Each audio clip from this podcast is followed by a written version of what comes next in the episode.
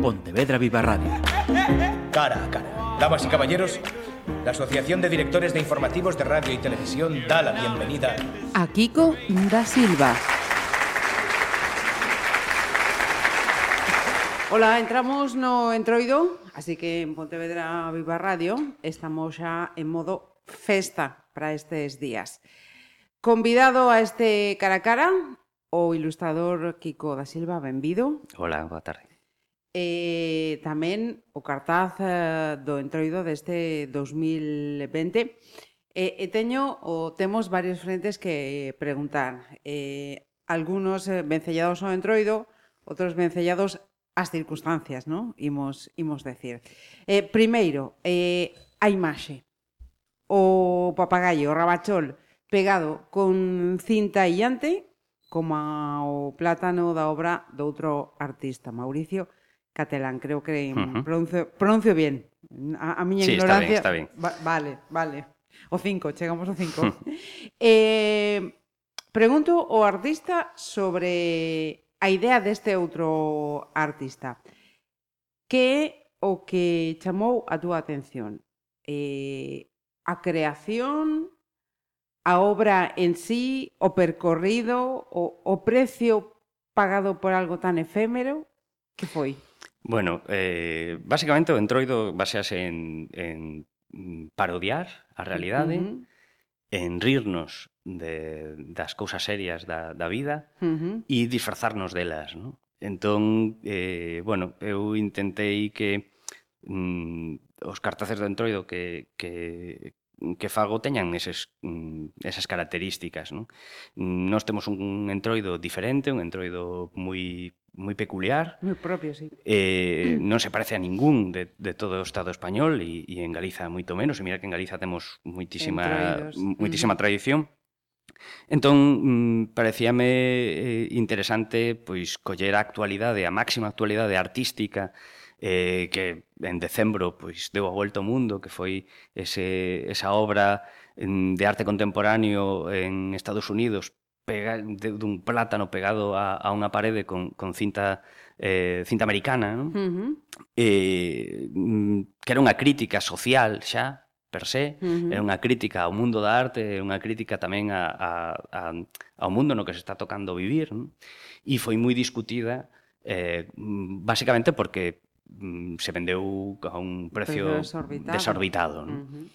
eh, entón me pareceu que que entroncaba moi ben ca, co que era o, o propio entroido pontevedrés porque era unha maneira de mm, reivindicar eh, a Rabachol como obra artística uh -huh.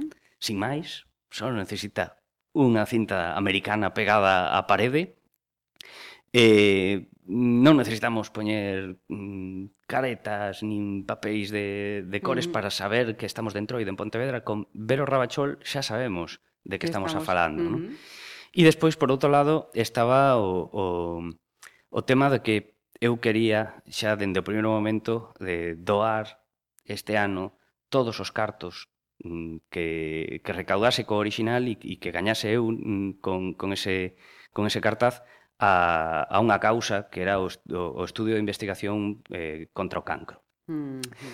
E me pareceu unha idea interesante vencellala cas puxas mm, de arte non? E, e, co, e cos cartos que moitas veces damos a cousas que realmente non, non teñen importancia e que, mm, bueno, pues, se, se acaban usando para para ter yates e ter mansións, mm, non? E, e creo que, bueno, pues era unha maneira mm, diferente de, de facer unha reivindicación que levaba tempo eh, querendo facer unha cousa así, mm, todos os meus familiares eh, que me faleceron, faleceron todos de cancro, uh -huh. eh, a, a, a xente máis achegada a min que por sorte sigue viva grazas á investigación, tuveron problemas de melanomas e, e, e bueno, a verdade é que o pasaron moi mal, E, bueno, era unha maneira tamén de, de visibilizar non? Un, un problema que, que é un dos problemas do século XX. Unha realidade que toca a todos. Sí, e que, e que que mellor que, que unha festa para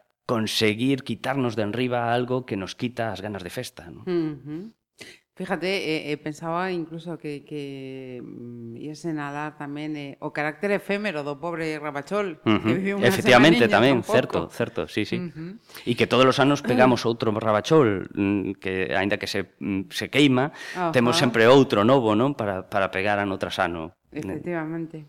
Eh, ou sea, xa, eh, xa, entón, a idea da, da subasta xa estaba vencellada, eh, digamos, en todo o conxunto, Acabas de explicar tamén, quería preguntar eh, por que o Centro de Investigación de, de Medicina Molecular da Universidade de, de Santiago. Bueno, realmente eh, o iba a facer para a investigación polo cancro. O que pasa que saliu xusto cando eu estaba rematando o, o cartaz a nova de, deste novo de, deste. gran descubrimento mm. que acaban de facer na USC E, e, e a verdade é que tiña que ser. Tiña que ser, non? Dixen, bueno, aínda por riba son galegos, non? Uh -huh. Están conseguindo cosas importantes, pois eh parecíame mm, pois muitísimo máis interesante uh -huh. que que esa donación que das aquí en Galicia, uh -huh. non? Eh a poxa foi este pasado luns. Como como se fixo? Contanos canta xente. Ben, informamos xa do do resultado, pero lembramos entón como foi todo o proceso, moitas persoas, hai un poseedor xa do teu cartaz anónimo, temos entendido, contanos. Bueno, mm, xa non era anónimo, digamos. Sí? Sí, son, mira, foron 150 puxas. Ajá. Das cales eh, eu podo dicirche algúns nomes de persoas que vía porque estaban en aberto, vale, Ajá. que non estaban ocultos, eh, que nos estaban puxando. Eu agradecelle moitísimo pois a Cano Paz, a Torrado, a, a, a Librería Baroja, eh, eh, a, a xente que, que o fixeron de maneira anónima, uh -huh. que estuveron puxando 150 puxas uh -huh. eh, durante casi 10 días. Eh, ao final, mm, os que se levaron o, o, o loro. O loro. Eh, foi unha, un, un grupo de autónomos de aquí ah. de Pontevedra. Uh -huh. Eh, un grupo de autónomos que mm, ao principio, cando gañaron, me dixeron que, que querían manter o anonimato, que non o facían por, por publicidade. E esta mañán mm, voltaron a chamar e dixeronme, Kiko, queremos facelo público porque queremos apoiarte. Ajá. Mm, queremos, mm, creemos que o que te está a suceder é algo que nos pode suceder a calquera de, de nós, porque xa digo que son, son traballadores autónomos como a min, e, e bueno, decidiron que podía facer público este, este misterio. Mm -hmm. ¿no? Pois resolvemos e contamos por que esa decisión tamén. Pois foron eh, uh, a xente do crowdfunding, do, perdón, do, do coworking eh, Planeta eh, 29, que Ajá. está aquí ao ladiño, uh -huh. Mm, eh, cerca da, da, da ponte da autopista, uh -huh. eh, na rúa Rosalía de Castro, de Castro. Uh -huh. eh, que levan pues, moi poquinhos anos mm, facendo un, un coworking en Pontevedra e onde, mm, polo que me contaron, casi fixeron unha familia de, uh -huh. entre eles, non? que é moito máis que un lugar de traballo.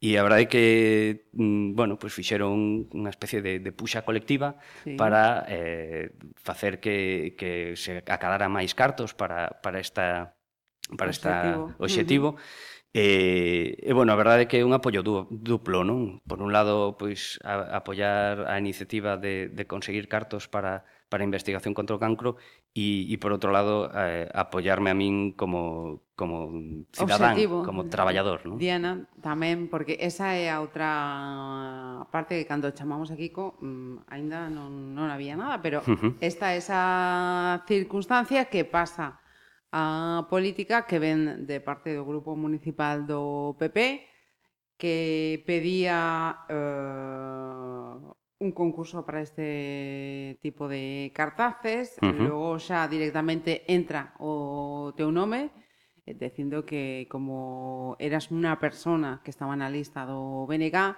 este cartazo, estes cartaces están con teu nome encargados a, a túa persona, a teu traballo, eh, siguen os comunicados e eh, ti decides que vas a eh, emprender eh, medidas.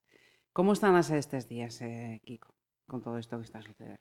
Eh, a verdade é que mm, a mí como cidadán parece moi triste que un partido mm, da oposición, un partido que, que se tira todo o ano dicíndonos que é o partido dos traballadores, que é o Partido do Emprego e que eh, están polos, pola xente que traballamos, pois mm, de repente simplemente, única e exclusivamente porque mm, deciden que os traballadores teñen que ser da súa ideoloxía, que si son de outro partido xa non son válidos para poder traballar na administración pública, pois que o señor Rafa Domínguez decida facer unha campaña de inxurias hacia a miña persoa. Mm, mm eu creo que o, o mediu mal e, e que podía facelo de outra maneira. Mm, eu creo que unha das cosas que neste país se necesita na política é elegancia. Que mm, para outro tipo de maneiras de decir as cousas está Telecinco e estes programas basura eh, e, e que mm, hai que medir tamén hacia quen se vai, uh -huh. porque eu non son un cargo público, non teño ningún tipo de, de soldo público, son un autónomo, levo traballando desde hace sete anos, pago os meus impostos todos os meses, estou o día con Facenda e eh, gasto os meus cartos en, en facer escolas uh -huh. aquí na cidade, en montar editoriais e en dar traballo a xente de Pontevedra. Entón, mm, facer unha campaña mm, deste tipo, personificada, porque eu digo unha cousa, señor Domínguez, eh, estou de acordo, si quere o Partido Popular pedir que o Concello de Pontevedra faga todos os cartaces e todas as mm, cuestións laborais con concurso público, adiante eu, como cidadán, non lle vou decir que non. Uh -huh. O que non me parece normal é que utilice o meu nome e mm, me, me, me poña a min todo o rato de exemplo, uh -huh. como se si fora o único pontevedrés que mm, ten un vencellamento político ao BNG e que mm, fago un traballo para o Concello de Pontevedra. Uh -huh dous no, may, no, no maior das veces eh, nestos, nestos anos. O sea, mm, eu non vivo do Concello de Pontevedra como si está afirmando el eh, continuamente. Eu non teño unha nómina do Concello de Pontevedra. Eu sou un traballador autónomo, autónomo que teño que teño miña empresa, que teño os meus traballadores e que e que teño o meu traballo que está máis que demostrado que pode buscar en Wikipedia. Eh, Mm, cando empecé a traballar no, para o Concello de Pontevedra, uh -huh.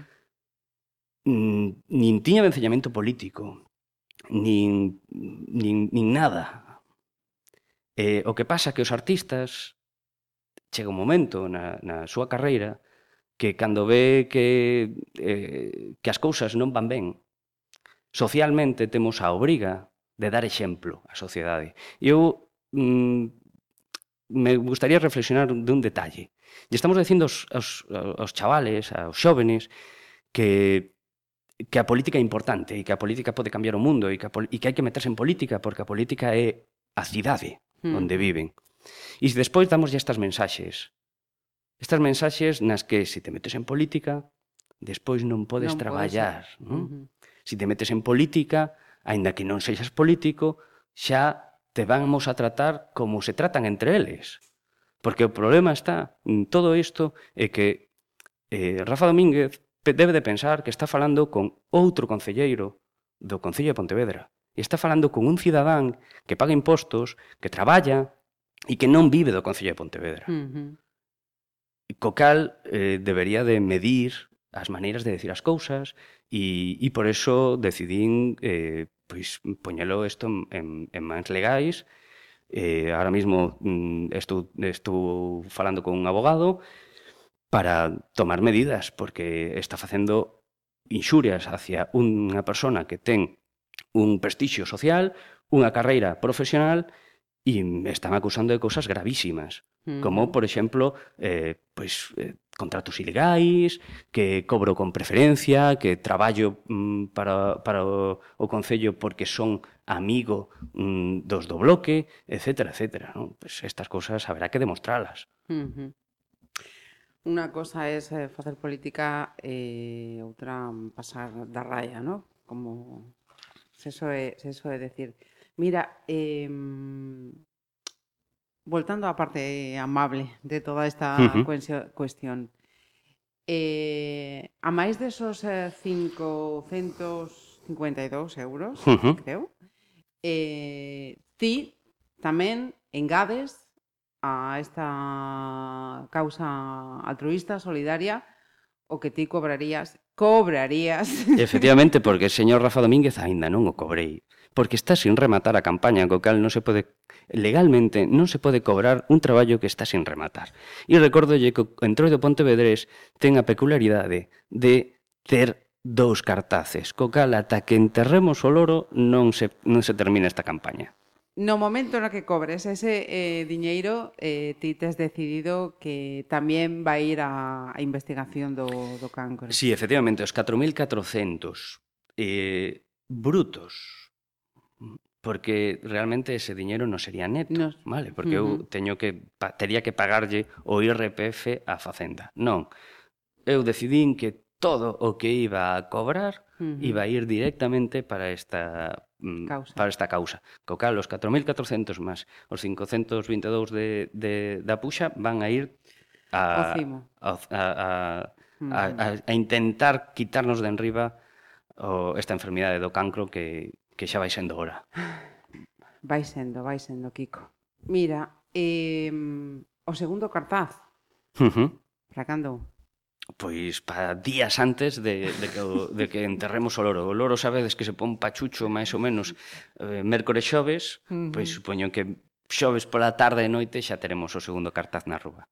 Vale. Non vou para preguntar porque deixamos aí, deixamos aí a, a incógnita se seguirá ainda coa a illa ou, ou non ou, ou que o que vai pasar. Eh, pero sí quería, antes de, de terminar, eh, Kiko, hacer una, una, pregunta. Estas circunstancias que estás eh, a vivir, eh, van a mudar a túa decisión no caso de que para vindeiras eh, ocasións eh, o Concello siga pensando que ti que coñeces ben a, a Rabachol e que tes Eh, eh, cualidades eh, máis que demostradas como ilustrador podes facer este cartel. Ti eh, tes decidido se ibas decir que sí, que non?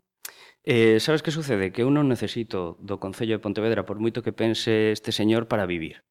Co cal, eu estaba facendo isto eh, basicamente porque é a cidade onde vivo, uh -huh. é unha festa que me gusta, e, e porque se me ocurrían ideas.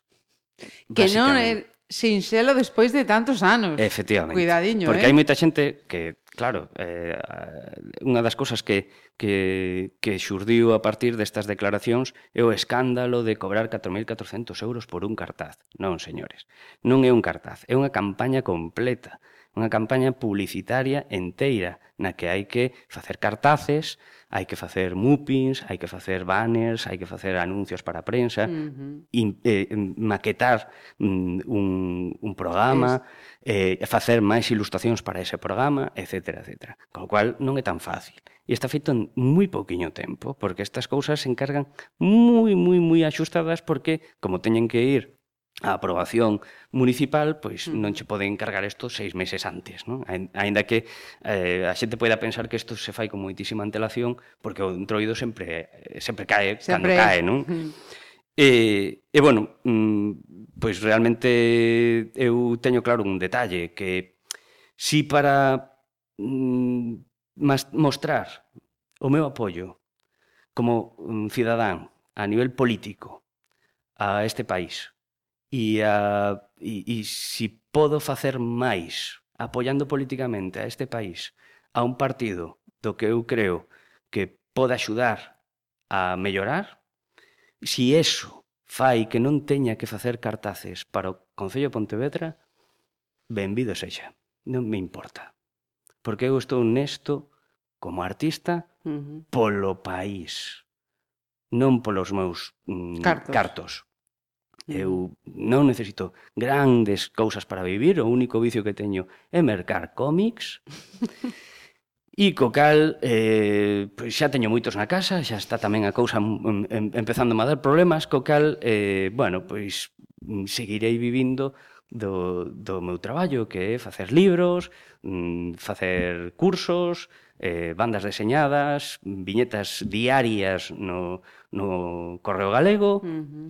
e, e do que levo vivindo dentro dos 17 anos, uh -huh. que é mm, contar historias con imaxes. Eh, non quero que isto remate con ese mm, regusto feo desta, desta Non é feo, eh? sinceramente eh, eh, eu creo que, que estas cousas mm, teñen que ver tamén un pouco ca ca propia sociedade, non? Uh -huh. Todo acto ten a súa consecuencia. Mm, eu o teño moi claro, o sea, eu como cidadán o que quero é o mellor para o lugar onde vivo. Onde vivo. Uh -huh. E, e para o lugar onde non vivo, pero sei que vive xente que, que o necesita tamén. Uh -huh. E eu creo que temos un compromiso os artistas.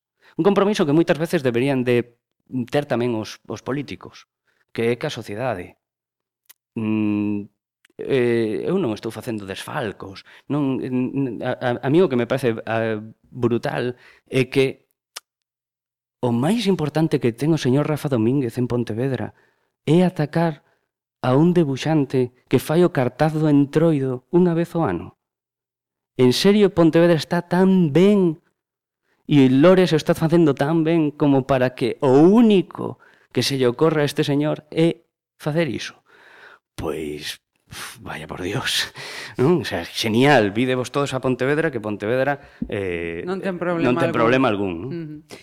Mira, como decía, para rematar, ti que coñeces tamén a Rabacholiño neste 2020 mm, que disfraz terías para, para el?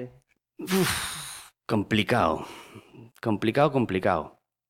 Eh, eh, sabes que aparte que pasa? Que eu sei de que vai. Oh. Entón, ese é moito máis complicado. Eh, Desvía atención, entón. Efectivamente. Eh, eh, sí, porque pedironme colaboración e entón, bueno, pues bueno. estou facendo unha, unha parte. Eu simplemente sí que eh, lles vai gustar os do PP. Ben, seguro. Ben. Rafa Domínguez estou seguro que vai a disfrutar moitísimo de, mm, do disfraz do, do, do Rabachol deste ano. Ajá, pois eh, quedamos co, coa incógnita. Kiko, eh, moitísimas grazas. Eh, non será a última vez, porque tes motivos de sobra para seguir convidándote aquí a Pontevedra Viva Radio. Moitísimas grazas. Gracias a vos. Pontevedra Viva Radio ¿Me permiten que les haga un comentario como espectadores del programa Cara a Cara? Según un reciente sondeo de mercado, ustedes disponen de estudios e inteligencias superiores a la media. Sus intereses abarcan desde la actualidad mundial y la ciencia hasta el deporte y los espectáculos.